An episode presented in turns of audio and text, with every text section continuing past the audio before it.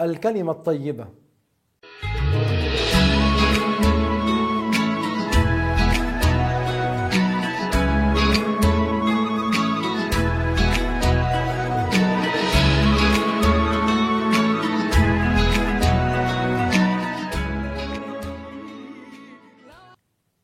الحمد لله وصلى الله وسلم على رسول الله. أما بعد فقد قال رسول الله صلى الله عليه وسلم الكلمة الطيبة صدقة. الكلام الحسن صدقة. كل كلام حسن يتكلم به الإنسان بنية حسنة يكون له ثواب. فقد قال حبيبنا محمد صلى الله عليه وسلم فاتقوا النار ولو بشق تمرة فمن لم يجد فبكلمة طيبة. الكلام صنفان كلام طيب وكلام خبيث. ما كان من الكلام الحسن فهو كلام طيب. ما كان من الكلام الخبيث فهو خبيث. كثيرة هي العبارات التي تجعل الإنسان سعيدا ويشعر بالفرح. جزاك الله خيرا. بارك الله فيك. يعجبني فيك أن تعمل هذا العمل الحسن. إني أشكر فيك هذه الخصال الطيبة. هكذا ينبغي لنا أن نستعمل هذا اللسان. ونبينا محمد صلى الله عليه وسلم قال من أحب أن يزحزح عن النار ويدخل الجنة فلتأته منيته وهو يؤمن بالله واليوم الآخر وليأتي الناس بما يحب أن يؤتى إليه. أحباءنا من أراد النجاة والفوز بالجنة فليعمل بهذا الحديث. فليعمل بما قال رسول الله صلى الله عليه وسلم في هذا الحديث الإيمان بالله وبما جاء عن الله مع ما يلزم من أمور الإيمان وأن يعامل الناس بما يحب أن يعامله الناس به. كل واحد منا ينبغي أن يعامل غيره كما يحب هو أن يعامل. الواحد منا يحب أن يعامله الناس بالصدق لا بالكذب بالأمانة لا بالغش والخيانة. كذلك ينبغي على أحدنا أن يعامل الناس بمثل ذلك. أن نعاملهم بالأمانة لا بالغش والخيانة وبالعفو والصفح.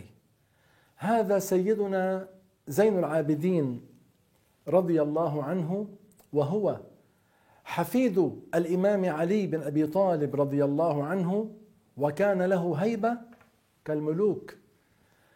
جاءه رجل فشتمه في وجهه ما رد عليه. حتى قال له ذاك إياك أعني أي أنا قصدتك أنت بالسب. أنا أردتك أنت بهذا السب.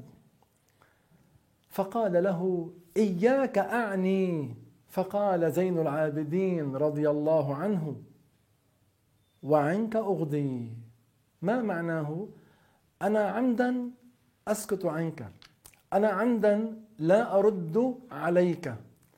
كم هو جميل الصفح والعفو ولما سئل رسول الله صلى الله عليه وسلم عن النجاة قال أن تعفو عمن ظلمك وتعطي من حرمك وتصل من قطعك. كم نحتاج اليوم إلى العمل بهذه الوصايا وبهذه النصائح من رسول الله صلى الله عليه وسلم. وقد ورد أن النبي عليه الصلاة والسلام قال لصحابي اسمه سليم بن جابر قال له وإن امرؤ عيرك بما يعلم فيك فلا تعيره بما تعلم فيه. قال هذا الصحابي بعد هذا ما سببت إنسانا ولا دابة. إلى هذا الحد كان أصحاب رسول الله صلى الله عليه وسلم حريصين على العمل بكلام سيدنا محمد صلى الله عليه وسلم. فلنقتدي بهم. ثم أيضا مما يدخل في هذا ما ورد عن جابر بن عبد الله رضي الله عنه أنه قال كنا مع رسول الله صلى الله عليه وسلم بذات الرقاع فرأينا شجرة ظليلة فتركناها لرسول الله صلى الله عليه وسلم فالذي حصل أن جاء أحد المشركين جاء رجل من المشركين وسيف رسول الله صلى الله عليه وسلم معلق بالشجرة فاخترطه فقال لسيدنا محمد صلى الله عليه وسلم أتخافني؟ فقال له لا. فقال ومن يمنعك مني؟ فقال النبي عليه الصلاة والسلام الله. فوقع السيف من يد المشرك فأخذه رسول الله صلى الله عليه وسلم. فقال له من يمنعك مني؟ فقال كن خير آخذ. فقال له نبينا عليه الصلاة والسلام أتشهد أن لا إله إلا الله وأني رسول الله؟ قال لا ولكن أعاهدك الا أقاتلك ولا أكون مع قوم يقاتلونك. فتركه رسول الله صلى الله عليه وسلم. نسأل الله تعالى أن يرزقنا كمال الاقتداء بسيدنا محمد صلى الله عليه وسلم. والله تعالى أعلم وأحكم.